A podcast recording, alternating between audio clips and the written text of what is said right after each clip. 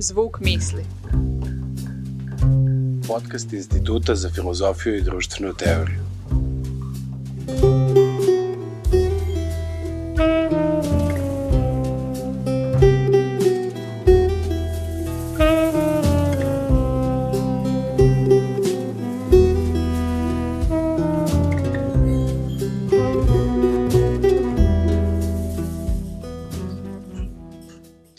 Dobar dan i dobrodošli u još jednu epizodu, petu epizodu Zvuka misli, podcasta Instituta za filozofiju i društvenu teoriju. Prvu u ovoj novoj sezoni podržano od strane, od strane Centra za promociju nauke. Danas ćemo govoriti o demokratiji, o postistini, o pandemiji, o epistemologiji, a o svemu tome sa Snježanom Prica Marđijom, uh, i rektorkom Univerziteta u Rijeci.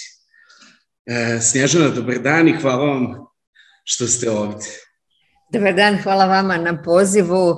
Eh, nadam se, evo, nadamo se da će biti zanimljivo.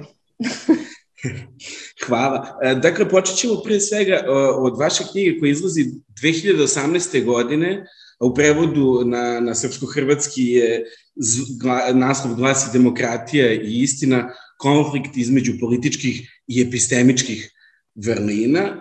Podsjećam, ta knjiga je pisana 2018. godine i da evo dok smo pripremali ovaj razgovor baš smo ovaj, spomenuli kako je to sad dobilo čitavu jednu novu dimenziju, taj tekst se može čitati sada na neke nove načine. A ja bih volao da počnem jednim citatom koji, koji, koji, koji predstavlja prvu rečenicu vaše knjige, a, to je citat Eme Goldman koji glasi ovako. Najnasilniji činilac ili element društva je neznanje. Kako je to, snježano neznanje nasilno i kako ste odabrali da baš ovim uvidom otvorite jednu duboku i temeljnu raspravu o demokratiji istini? Da, e, ja sam se zapravo e, dvoumila između nekoliko tih takozvanih citata ili mota knjige. E, jedan je bio Geteov koji je zapravo na istom tragu, a koji kaže da zapravo je teško zamisliti išto što više zastrašuje od neznanja na dijelu.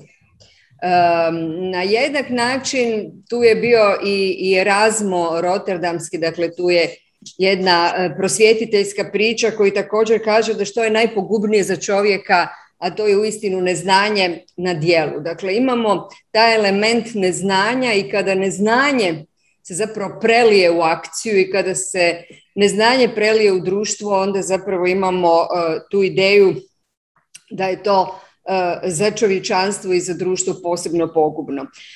Kad ja govorim o neznanju, zašto sam se odlučila za Emu Goldman, pa iskreno govoreći, e, nekako mi se činilo da je ona, e, da je najmanje pompozno, ali imati je razmar Rotterdamskoga, imati gete, ako je otprilike isto to govore, naravno je također važno i bitno. Međutim, Emma Goldman je e, jedan lik koji nije toliko, recimo marginalan, koji u filozofiji se kao ona anarhistkinja, aktivistkinja i tako dalje se rijetko pojavljivala, pa sam nekako mislila da i to ima tu dimenziju iščitavanja koja možda može biti zanimljiva.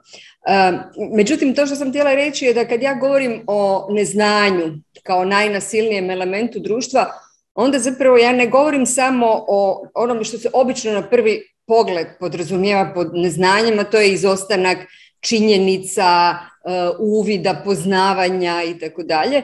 Ja govorim o nečem puno e, širem. Za mene je neznanje zapravo e, podcjenjivanje znanja.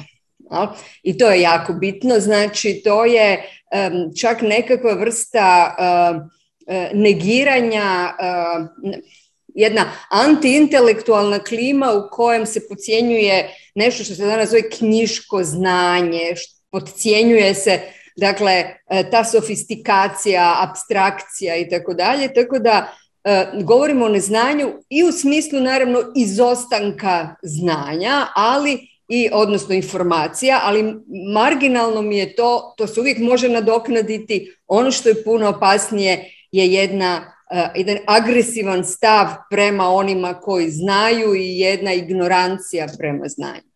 Kako objašnjavate fenomen Eh, da kažemo, te to nekog antagonističkog odnosa prema znanju, te možda neke loše vere, ono što je Sartre zvao moves mi znamo da su neke stvari takve, ali to i odbijamo i prosto eh, odlučujemo da verujemo u nešto i to proglašavamo za istinu i to postaje prosto validno. Eh, kako, kako objašnjate poriv i kako objašnjate neki društveni kontekst u kome se takav jedan fenomen javlja? i kada, gdje ga situirati? Da, pa na neki način upravo je to e, tema knjige. Moj pokušaj da razumijem kako se e, to dogodilo na način e, koji nam je postao tako zastrašujući i opasan za društvo. I to je taj na neki način odnos između demokracije i istine i moje pitanje ide u smjeru da li je nešto u demokraciji za koju i dalje vjerujemo da je najbolja od svih mogućih sustava, kako je moguće da se dogodilo to nešto što se onda naziva e, kulturom neznanja ili e, to je culture of ignorance, koja u sebi čak teško ga je prevesti samo kao neznanje, uistinu je jedna ignorancija prema vrijednosti i istine i znanja i informiranosti i tako dalje. I zapravo, naravno da je to pitanje o kojem mi vi postavljate strašno kompleksno i teško je na njega odgovoriti, ali ono što ja pokušavam, pokušavam reći da je moguće da čak eh, je razlog ili neke razloge tome gdje smo se sada našli sa svim tim E, pseudo znanstvenim pokretima, s tim silnim skepticizmom prema znanosti, obezvriđivanjem znanja, je li moguće da je nešto dobro kao što je demokracija uspjelo dovesti i kako nas je ono dovelo u situaciju koju imamo, dakle takvo stanje neznanja, takvu jednu krizu prosvičenosti koja se onda naravno manifestira u puno radikalnim verzijama i, i, i populizma i nekih drugih vrsta fundamentalizama i agresija. Da, upravo, upravo na tragu ovih poslednjih pojmova koje ste spomenuli, ovo bih da vas pitam, prosto u poslednjoj, dekadi, možemo reći, da svedočimo jednom velikom razvitku fenomena postistine, pa upravo po tom pitanju šta, kako, kako mislite da, da, da je to neko, da ta neka era postistine je uticala na demokratiju i na način donošenja političkih odluka na jednu epistemologiju e, tog nekog realnog sveta, e, tu neku socijalnu epistemologiju, taj metod o, o kom vi govorite u knjizi. E, meni je iznimno zanimljiva ta debata i, i post istine istine i to koliko mnogi danas zagovaraju post istinu, kao da je istina stvarno nešto loše.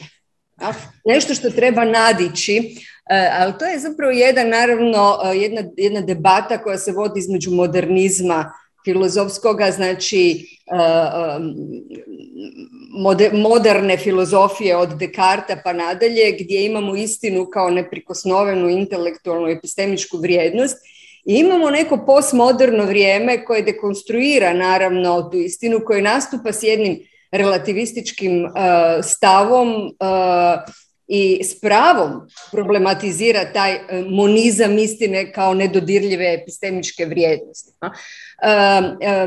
Mi danas čak govorimo u toj debati između moderne i postmoderne istine i postistine o vremenima takozvane post postistine i to me čak pomalo podsjeća na ovu hegelijansku dijalektiku u kojoj smo E, za, koju moram reći da me možda čak i veseli, odnosno nadam joj se, pa je možda iščitavam, iako je možda nema, to je da e, kao što smo nadišli nekritičko razumijevanje istine kao nekakve objektivne metafizičke istine, da je vrijeme da nadiđemo i vrijeme post istine koja na jedan nihilistički način gleda prema istini kao vrijednosti, epistemičkoj kvaliteti kao vrijednosti i da ćemo doći do neke sinteze u nekoj ideji post-post istine u kojoj nećemo niti um, se držati dakle, fanatično to kažem, monizma istine ima puno epistemičkih vrijednosti osim istine u smislu razumijevanja, u smislu odgovornosti prema činjenicama i tako dalje. Um, ali se nećemo držati niti post istine u smislu potpunog relativizma, uh, uh, jer po mojem e, dubokom uvjerenju e, upravo taj postmoderni e, taj pokreti, ako tako sve dekonstrukcija, socijalni konstruktivizam je i doveo do um, po meni ove kulture neznanja. Vidite ga kao razlog, kao, kao krivca za kulturu neznanja, vidite posle Da, ne isključivog, naravno, ne isključivog, ima tu puno socijalnih i drugih elemenata, naravno i političkih, i fundamentalizmi, i, i, i nekakve celebrity kultura i tako dalje, šutnja racionalnih centara, puno, puno toga je, ali ta ideja je da zapravo sva, e, svačija istina, svačiji stav, bez obzira kakav on bio i koliko on imao objektivnih E, vrijednosti epistemičkih intelektualnih jednako vrijedan samom činjenicom da je nečiji e, mhm. je problem. E, naime, to je to jedno prebacivanje, znači naravno da svi smo mi jednaki, slobodni u dostojanstvu, u pravima i tako dalje. To su te temelji i etičko opravdanje demokracije. Međutim, treba li se to tako prenijeti i reći samim time svačije mišljenje na jednak način jednako vrijedi? Naravno, svako ima pravo na svoje mišljenje, ali na neki način ono, e, po mojem duboko višnjenju, ne ispunjava epistemičke uvjete i tu dolazi i tu počinje taj, kaos, ta e, drama. Da, jer možete pre nego što upravimo baš u tu dramu i pre nego što upravimo te neki kontekst realni ovaj, koji nas je zadesio i taj ne, ne erupcija realna koja nas je zadesila u zadnjih godine. po dve. Ja bih volao samo da ostanemo još malo u ovom, na ovoj nekoj abstraktnoj razini i da e, bih da, da, da obislite načinim slušalcima samo malo, malo bliže. Vi imate jedno specifično poimanje istine, to prosto nije ni neka istina sa velikim i, nije to ni metafizička istina, pa ako možete samo par reći o tome i na tragu ove postistine da, vidimo istinu, verovanje i znanje. Ako možemo tu trijadu nekako e, u jednoj, e, da kažemo, onako koncentrovanoj verziji dobijemo od vas. no. Da, e, da, evo, ja sam jako na neki način sklona nečemu što se u epistemologiji događa, to vidimo promjeni, jednom shiftu koji se dogodio, a to je pojava takozvane epistemologije vrline, dakle koja i, izmješta, da te kažemo, e, e, e, cilj ili glavnu temu epistemologije iz pitanja istinitosti propozicije. Da li, da propozicija istinita, da li vjerovanje opravdano istinito, imamo li znanje. Izmješta ga u jednu drugi prostor, a to je pitanje epistemičkih agenata. Nas koji u društvu ili u nekom okolišu pokušava E, doći do nekakvih spoznaja. Znači, na neki način više se ne bavimo propozicijama i definiranjem uvjeta za opravdanje ili istinu, nego se bavimo pitanjem vrlina e, onoga koji spoznaje, što ne mhm. isključuje istinu kao takvu, naravno, jer neka epistemička vrlina odgovornosti ili skromnosti ili eh, savjesnosti eh, će nas dovesti do i može nas dovesti do istine naravno u tom nekakvom čak i korespondencijskom eh, smislu riječi. Ali dakle ja, vi ste dobro rekli ja stvarno mislim da je epistemologija dugo bila u jednom zaključena onako zapeta u nekom skolastičkom definiranju eh, i raspravi o uvjetima ovoga opravdanja i tako dalje, da smo doživjeli jednu, da smo prodisali, da epistemologija doživjela jedan uzbudljiv moment, moje mišljenje naravno, kada se otvorila ta priča o vrlinama, mhm. koja, kažem, u sebi je uspjela obuhvatiti i te ljude i oni su se skloni, so, ne znam, jednog Ernesta Sousinu, Goldmana i tako dalje, koji su veliki ljudi koji su bavili tom nekom, da, da kažemo, standardnom analitičkom ili standardnom epistemologijom, sada e, se okreću i meni se čini da se danas u epistemologiji puno više lijepih stvari događa koje su sa, tom, sa tim šiftom koji su nam omogućile da izađemo e, iz strogih tih nekakvih logičko-epistemičkih rasprava u društvo, da otvorimo pitanje utjecaja društva na našu spoznaju, da probamo epistemologiju učiniti primjenjenom, da probamo popraviti epistemičke i intelektualne prakse. To je ono što mene recimo zanima i to je nekako me vjerojatno i odvuklo onda u ovom smjeru odnosa između ajmo reći, epistemologije i politike, odnosno demokracije i istine. Dobro, hvala, vam puno. da, evo kao što smo običali, sada ćemo zaista i uprugati u taj naš realni kontekst ako smo vi kada i napustili, ali ovaj, prosto morat ćemo da adresiramo s, obzirom na, na, ovaj, na, na, sadržaj vaših poslednjih istraživanja i uopšte knjige Demokratija i istina, e, morat ćemo da se, da se opet osvrnemo na, na, na ovo što nam se događa, to je, to je ta pandemija, e, to je zadnjih godinu i po dana jednog globalnog fenomena. I sada pitanje koje bi se moglo postaviti e, prosto u, u nekoj, kroz prizmu nekih vaših istraživanja jeste pitanje učešća struke. Ajde da kažemo odmah da krenemo na, na neke konkretne stvari, odnosno epistemičkih autoriteta u donošenju političkih odluka. Čini se da je ono postalo jedno od gorećih pitanja u zadnjih godinu i po dana sa, sa nastupom pandemije. Vi se E, figurom eksperta i njenom ulogom bavite vrlo, vrlo pod, podrobno. Pa u prvi mak se čini da su se pojavila e, i neka potreba za pozivanjem, za prozivanjem eksperata, da relevantno informišu javnost i da oni donose neke političke odluke, što je često bilo praćeno određenim vidom straha od neke virologokratije i, i tako. Mislim, još mnogo fenomena je pratilo pratilo jednu, jednu takvu potrebu ovaj, koja se javila u društvu, a u praksi se predešavalo da su eksperti nudili izvesni pluralizam nekih pozicija, da kažem, u odnosu na to pandemijsko neko stanje, odnosno na razvoj pandemije u društvu, tako da su odluke donošene kroz političko balansiranje ili sasvim izuzimajući stavove relevantnih eksperata. Šta se dogodilo? kako kako, kako, kako, se, kako vi vidite eksperte i ulogu eksperta u društvu posle, posle ovih događaja? Da. da, ja moram reći da ja e, zapravo e, branim tu ideju o, e, u knjizi e, zbog koje sam zapravo najčešće najviše polemika oko toga ima ili najviše kritika dolazi s toga gdje na neki način branim ulogu ili e, e, potrebu jačeg uključivanja eksperata i ekspertize u donošenje odluka.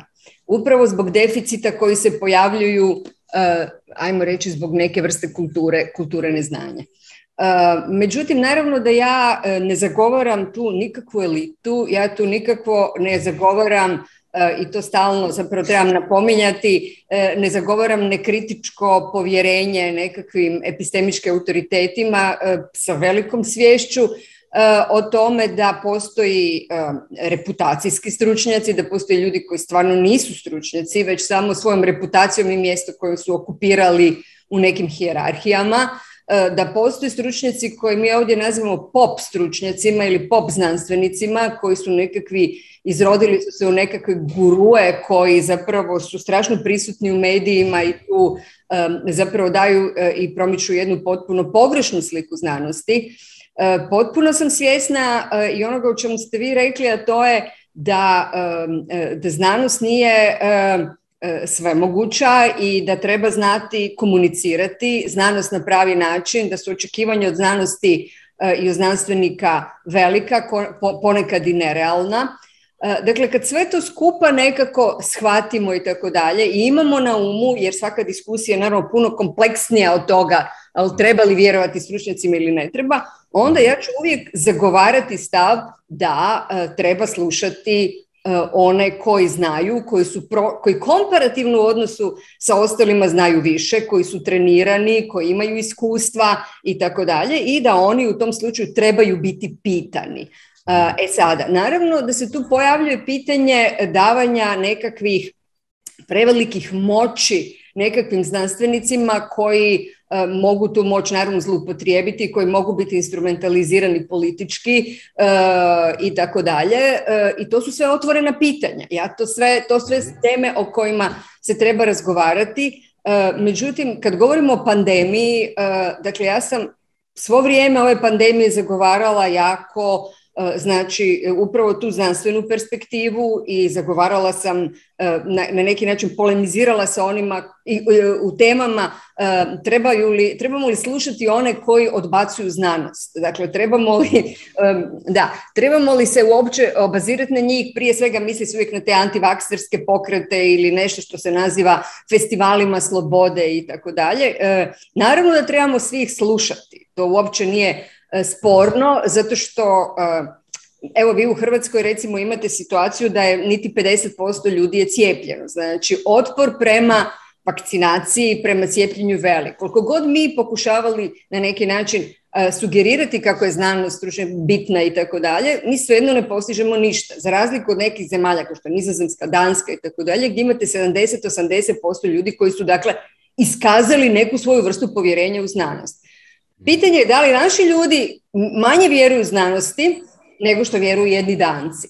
E, ili je to neki kompleksni problem, e, naravno nepovjerenja prema sustavu mhm. a, i na neki način to nepovjerenje prema sustavu preljeva se i na znanost. I ovo što vi kažete strah od viro, virologokratije, znači e, to na neki način je strah od elita, strah od sustava koji se inače pokazao takvim da ne zaslužuje bezrezemno i povjerenje e, mhm. I, u tom smislu e, sasvim sigurno e, nitko ne zagovara slijepu poslušnost slijepu poslušnost. Dakle, naprosto superiornost znanstvenog i stručnog stava po pitanjima pandemije, cijepljenja i tako dalje je neka moja opcija i tako dalje. Međutim, naravno sa svim rezervama koje to nosi. I još jedna važna stvar kad govorimo o tome, ja to moram reći, to stalno govorim, svi neši, naši nekakvi donosioci odluka uzmu i konzultiraju stručnjake virologe, epidemiologe, infektologe i tako dalje. Jako malo među njima ima psihologa, jako malo ima sociologa, ima filozofa, politologa, ima ljudi koji razumiju društvo i koji na neki način um, taj ti znanstveni savjeti zapravo trebaju biti naravno interdisciplinarni timovi stručnjaka koji onda upravljaju cijelim događajem. Mislim da je jedino, ako se ja dobro svačam, e, kancelarka Merkel imala e, takav savjet, a svi ostali imaju savjete sastavljene isključivo od e, liječnika, doktora. Da li onda mislite da recimo neko poverenje prema, nauci koje bi koje se izražava u tim procentima vakcinisanih građana, zavisi onda od jednog pojma koji, kako se ne varam, ovaj, je i vama važan, a to je pojam procedure. Da postoje zapravo, da možda to poverenje ne leži u samim, ovaj, da kažemo, nekim naučnim uvidima, eh, bili oni iz epidemiologije ili virologije ili već medicinskih nauka, nego da već imamo jednu krizu nepoverenja u institucije, da imamo krizu povjerenja u procedure, da procedure su nepostojeće, pa onda bi to možda i objasnilo negde ovaj, u različitim zemljama zašto imamo različite... Je to na tragu ono da što vi želite da kažete, otprilike, i ako jeste, šta, možete, šta biste još dodali na tako nešto? U, upravo to je to, a kao još nešto dalje, a to je zapravo naša iskustva Eh, o tome koliko su, eh, dakle, i procedure i, i, i, i eh, ovo što govorite, ali i to da imamo iskustvo donošenja nekvalitetnih odluka i ranije. Dakle, nisu samo, i naravno opet možemo otvoriti pitanje procedura koje stoje iza tih odluka, da li su one bile transparentne, participativne, inkluzivne i tako dalje E, interdisciplinarne, e, vođene isključivo idejom istine ili e, traženje najboljeg mogućeg rješenja ili su to bile neke odluke koje su bile inficirane sukobima interesa, nekakvim elitističkim statusnim ili nekim drugim razlozima očito taj fenomen nepovjerenja u institucije je kompleksan u ovim našim krajevima i, i traži naravno puno detaljniju analizu, ali definitivno ono što želim reći je da nepovjerenje,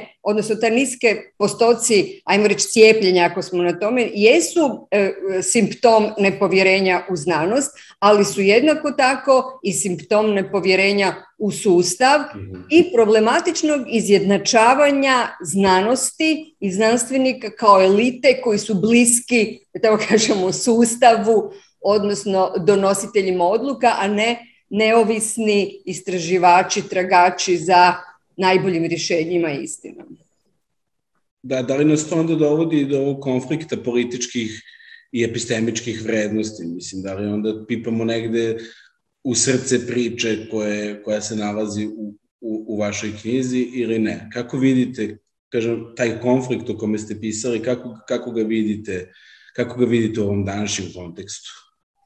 Da, e, pa e, naravno, znači ono što ja zapravo želim reći je da demokracija ili bilo koja procedura koja je e, demokratska ili neka druga legitimira se legitimira se činjenicom da ona ispunjava demokratske uvjete, ali to nije dovoljno. Nije dovoljno da uključite participaciju, da, da uključite ljude, da imate participaciju, da imate fair participaciju E, ono što je važno, važno je da imate takve procedure koje će dovesti do e, epistemički najkvalitetnijih odluka, a kad to mislim, to su onda one odluke koje će rješavati probleme ljudi. Dakle, mhm. u tom smislu ja se ne vežem za nekakav metafizički pojam istine, nego ono što će zapravo najbolje rješavati problem, pa je možda to i neki pragmatistički, e, sklonost pragmatističkom razumijevanju, uh, pa ajmo reći, pojma, pojma istine.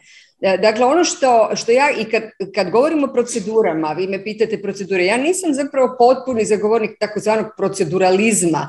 E, mhm. Procedure mogu biti e, savršeno fair, savršeno demokratske, ali da svejedno ne dovedu do, do najboljih mogućih odluka ili rješenja problema. To je onaj problem kojeg ja, ja, koji se obično naziva wisdom crowds, znači e, to je mudrost gomile. E, vi mhm. možete dati, ili mudrost mnoštva, o tome se mnogo priča, mnogima možete dati da odlučuju, međutim ako oni nemaju dovoljno znanja da o nečemu odlučuju, ako su oni afektivno jako vezani za odlučivanje o tome, vi sasvim sigurno, bez obzira što ste uključili svih, nećete dobiti E, epistemički najkvalitetniju moguću odluku. E, tu ima puno drugih elemenata e, takozvanih bajasa ili predrasuda koje igraju, tako da samo činjenica da ste osigurali proceduralno savršenu situaciju ne znači da ćete istovremeno dobiti i epistemički najbolji rezultat. Znači, naprosto treba vidjeti postoji li mogućnost da se taj epistemički rezultat digne, digne na neku višu razinu. Postoji jako puno tih empirijskih istraživanja koje pokazuju i, i govore o tom fenomenu e, e, e, mudrosti mnoštva koja se pokazala da ako nisu zadovoljeni preduvjeti, znači i intelektualni i afektivni, da konačne odluke, nema jamstva da će participacija dovesti do najboljeg rješenja. I to je taj jaz, to što me mhm. pitate. Znači, taj jaz između demokratskoga, znači nema nevidljive ruke koja će samim Participaciju proizvesti najbolji rezultat. Morate ga osigurati na neki još drugi način, dodatni način. I tu meni dolaze onda, tu ja vidim neko rješenje vrlo oprezno, naravno, uvođenju ekspertize, zapravo znanja. Znanja, samo nositelji znanja u našem društvu su zapravo stručnjaci, eh, gdje, kažem, nikako ne mislim na reputacijske stručnjake isključivo, ali ljude koji sjede na mjestima stručnjaka. Razumem. Um, možda na ovom tragu pišete da se racionalna epistemička autonomija ne kosi sa poverenjem u epistemičke autoritete. To smo negde, čini mi se, smo to sada već i načeli ali kao da bi i nasuprot tome slepo odbacivanje ekspertskih stavova u koriste epistemičkog egalitarijanizma može biti čin epistemičke neodgovornosti i radikalnog dogmatizma. To je ono, to je ono što smo otprilike sada i rekli. Da li, uvid zavi, da ovaj uvid zavici od istorijskog, političkog i kulturnog konteksta koji definišu razumevanje jednog ekspreskog stava? Da li je možda gore od slepog odbijanja ekspreskog znanja kritičko prihvatanje tog istog? Da li je možda gore od paradigme za zar nije svaka promena, izvinite, paradigme kako u naučnom, tako i u opšte društvenom ili političkom smislu posledica odbacivanja autoriteta koji se naslanjaju na tradiciju koja bi bila validna samo jer je niko nije propitivao. Da, e, puno ste tu zanimljivih pitanja e, e, postavili i to sasvim sigurno nije trivialno, ali postoje neke dihotomije koje nekako olako i na brzinu shvaćamo, a to je da epistemička autonomija kao takva je naravno suprotna povjerenju u epistemičke autoritete. Dakle, kao da su to dva suprotna pojma, ja zapravo pokušavam pokazati da nije nužno. Odnosno, možda bolje da to kažem, ne znam, imamo takozvanu tu neku prvu krizu prosvjetiteljstva, kako je to Kant e, nazvao negdje sa 18. stoljećem, koja je zapravo uistinu bila kriza gdje su pokušalo reći da e, to slijepo povjerenje autoritetima definitivno ne može biti intelektualno opravdano. Naravno da ne može. Mislim, ta poslušnost, e, fascinacija, um, autoritetom, znanstvenikom i tako dalje, samom po sebi zato što on to jest, jest nešto što je definitivno intelektualna mana, jedan porok. Mhm. Ja? I zato se svi oni, i zato ta prva kriza zapravo pokušava reći dosta je bilo religijskih, političkih i drugih autoriteta, nama treba javni prostor rasprave, um, e, razloga, javni um koji će sloboda e, e, i autonomija. I tu naravno nitko misleća osoba ne može imati ništa protiv, protiv toga. Međutim, ja idem korak dalje i e, postavljam pitanje e, treba li se onda ta sloboda i autonomija zapravo svesti na ideju nečega što ja nazivam epistemički egoizam. Da li to znači mhm. onda da e, svako moje mišljenje, samo zato što je moje, bez obzira da li sam ja kritična prema svojem mišljenju, prema tome da koliko sam ja iščitala, koliko sam ja porazmislila o tome, koliko sam ja izdebatirala to, činjenicom da je moje je autonomno i time vrijedno. Ja pokušavam reći e, ne, nije baš sasvim tako, e, vrijedno je utoliko kada se komparira i kada se postavlja pitanje da znam li ja više, manje, e, bolje ili lošije od nekog drugoga koje, koji je možda više pročitao od mene, koji je e, studirao to, koji se time bavi, koji ima bolje argumente i tako dalje. Ja ono što ja hoću reći je dakle, pitanje autonomije je pitanje e, i samo kritike i samo refleksije. Jesam li ja sa tom svojom slobodom e, dovoljno epistemički, da kažem, autoritet sebi ili bi meni bilo bolje ali da tom svojom slobodom poklonim povjerenje epistemičkom autoritetu, oslonim se na njega, kažem, da, to je to. To je ta kritičnost za koju se ja zalažem i to je ta autonomija za koju se ja zalažem.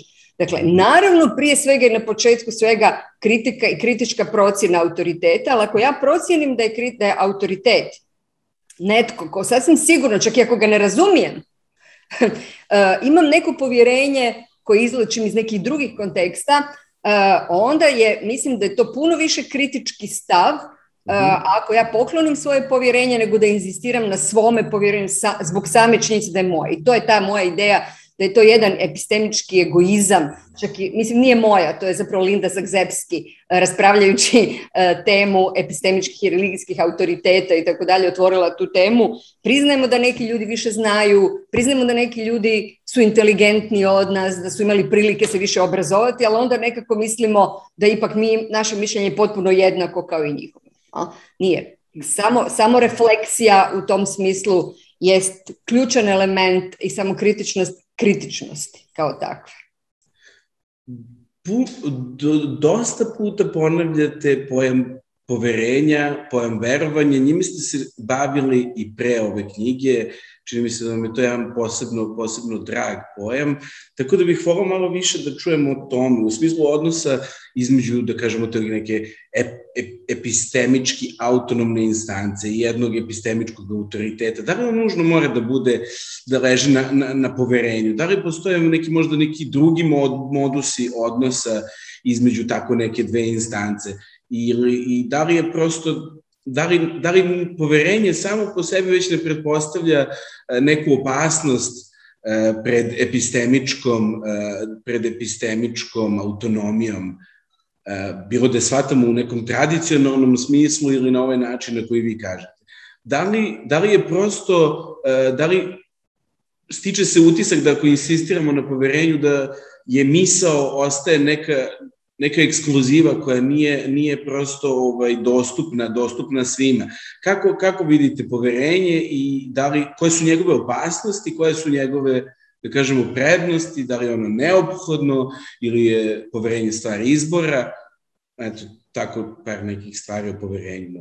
Da, e, da, povjerenje je meni baš jako, jako zanimljiva jedna tema. E, općenito, e, zapravo ona se meni nametnula sa e, otkrićem takozvane socijalne epistemologije.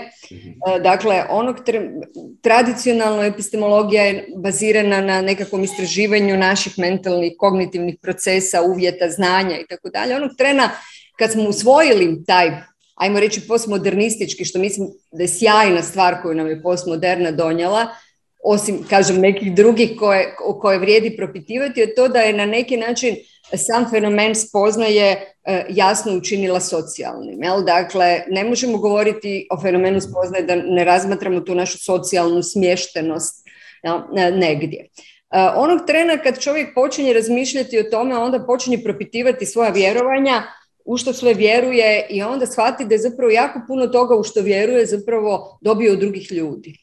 Čitajući knjige, gledajući, promatrajući e, u školama i tako dalje, da većina naših vjerovanja je zapravo dobivena od drugih ljudi.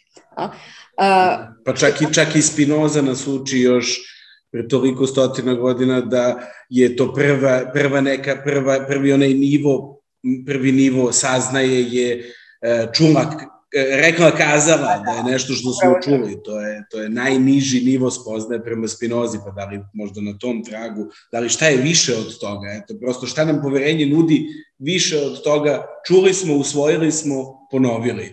Eto, da li, da li vi vidite neku veću vrednost u tom odnosu poverenja ili ja sam samo razmišljam, gledam samo poverenje kao izvorima. Znači, kao što kaže, ne znam, isto tako Thomas Reed, ovoga, negdje tu, tu negdje, onda on kaže, ali zapravo bez onoga što smo dobili od drugih ljudi, naše znanje bi bilo nikako, to bi se svelo bi se na, to bi bilo strašno siromašno, mi nama je nezamislivo šta bismo mi znali kada ne bismo imali, to, ne bi, e, e, ne bi, uzeli uopće što smo sve naučili od drugih. E sad, kad je tome tako, onda ključni oblik, ključni element je povjerenje. Znači, kada ja trebam prihvaćati vjerovanja, o što vi kažete, drugih ljudi, rekla, kazala kada ja trebam ovoga, poslušati nešto što je meni neko drugi rekao i to je taj povjerenje kao trenutak prihvaćanja nečijeg vjerovanja kao svojega, kao istinitoga, kao onoga o kojem uopće vrijedi, vrijedi razmišljati. Naravno da puka reprodukcija onoga što drugi tvrde i tako dalje predstavlja najnižu razinu,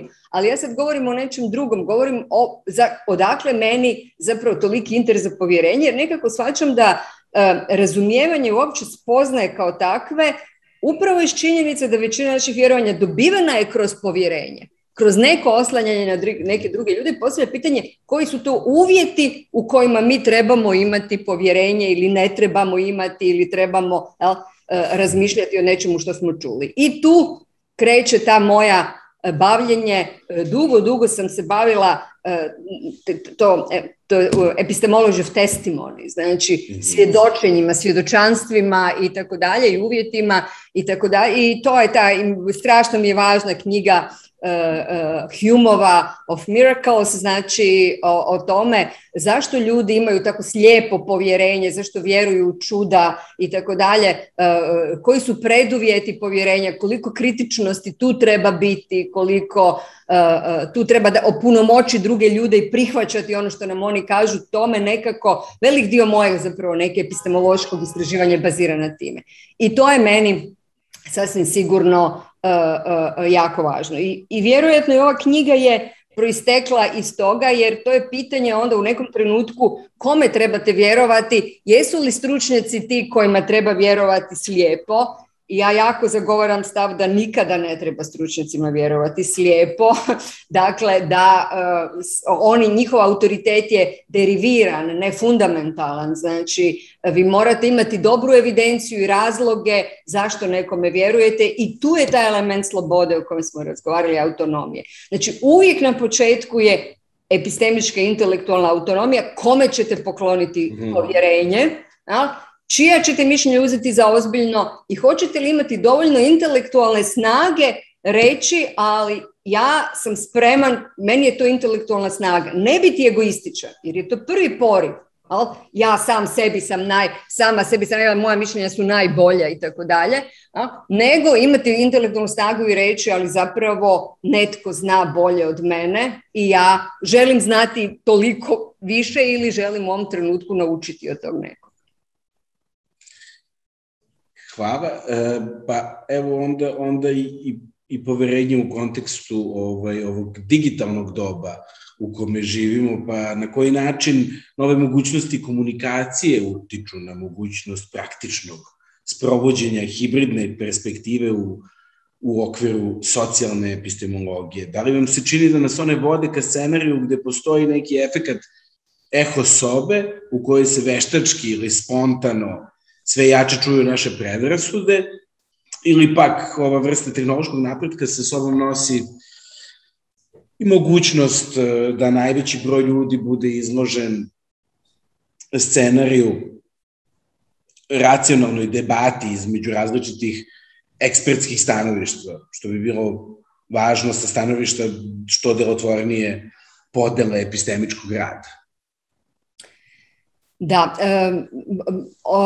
ovo što vi kažete, eh, echo chambers, informational, te balloons, baloni, mm. mjehuri, komore jeke ili kako se sobe, eho sobe, su potpuno zakomplicirale tu cijelu priču i otvorile nam jedan ono, nevjerojatnu ovoga eh, eh, priču koja se danas puno, o kojoj se puno govori, pogotovo u nečemu što se danas naziva i čak engaged filozofi. Danas se sve, ja jako volim taj um, Wolfov, uh, Jonathana Wolfa prijedlog o angažiranoj filozofiji eh, zato što ona počinje od konkretnog problema u društvu, a eho chambers i ti baloni su sasvim sigurno vrlo konkretan intelektualizam epistemički za svih eh, za sve nas Ehm, ja pravim razliku između, eh, naime, eh, kad govorite o eho, eh, ehm, eho čemberima, između takozvanih tih informacijskih balona i eho čembera.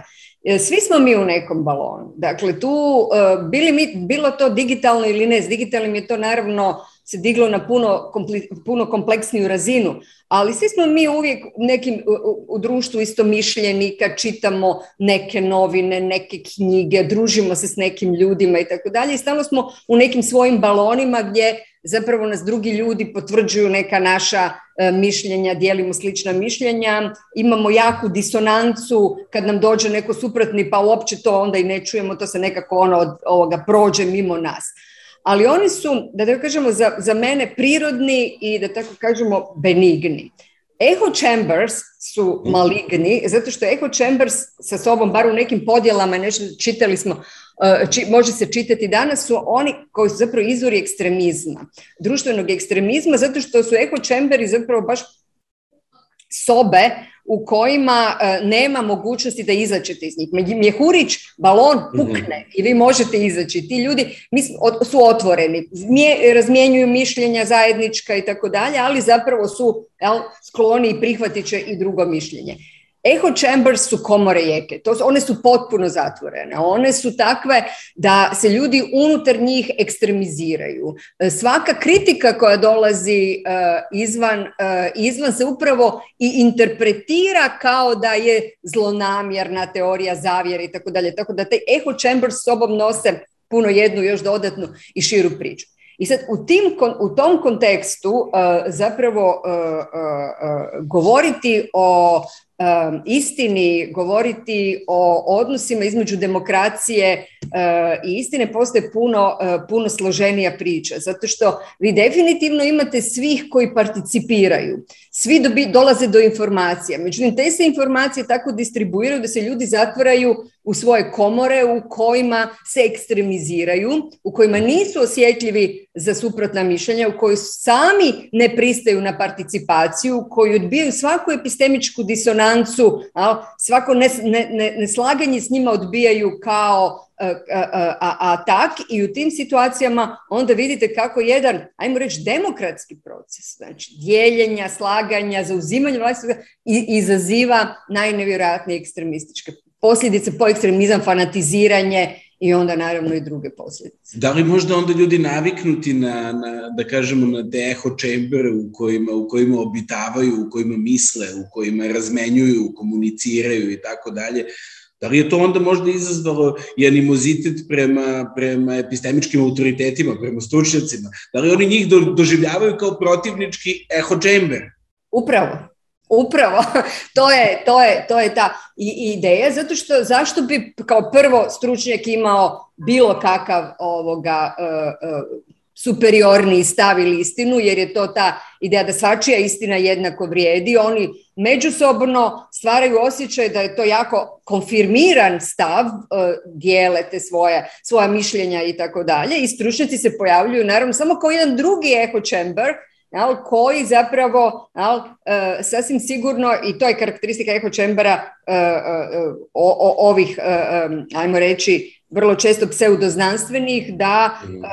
doživljavaju, da, imaju tu ideologiju i teorija zavjere, znači mhm. na neki način svi koji dolaze izvana dolaze sa nekakvim lošim namjerama, sa zavjerama i tako dalje, tako da su oni potpuno rezistentni, stvorili su sustav rezistentan na drugačije mišljenje, pa i ono od stručnjaka i tako tu zapravo ovoga, e, dolazimo pred izazov kojega e, danas ja zapravo e, ne znam, nisam sigurna kako bi o njemu još mislila, evo nisam ga domislila. Hvala vam, pa ovaj, možda, možda bismo mogli da zaključimo zapravo i da, nekako preslikamo celu, cel ovaj naš razgovor na, na pitanje demokratije, jer prosto danas se puno, puno se govori o krizi demokratije, kako u regionu, tako i na nekoj, na nekoj globalnoj skali, na globalnom nivou.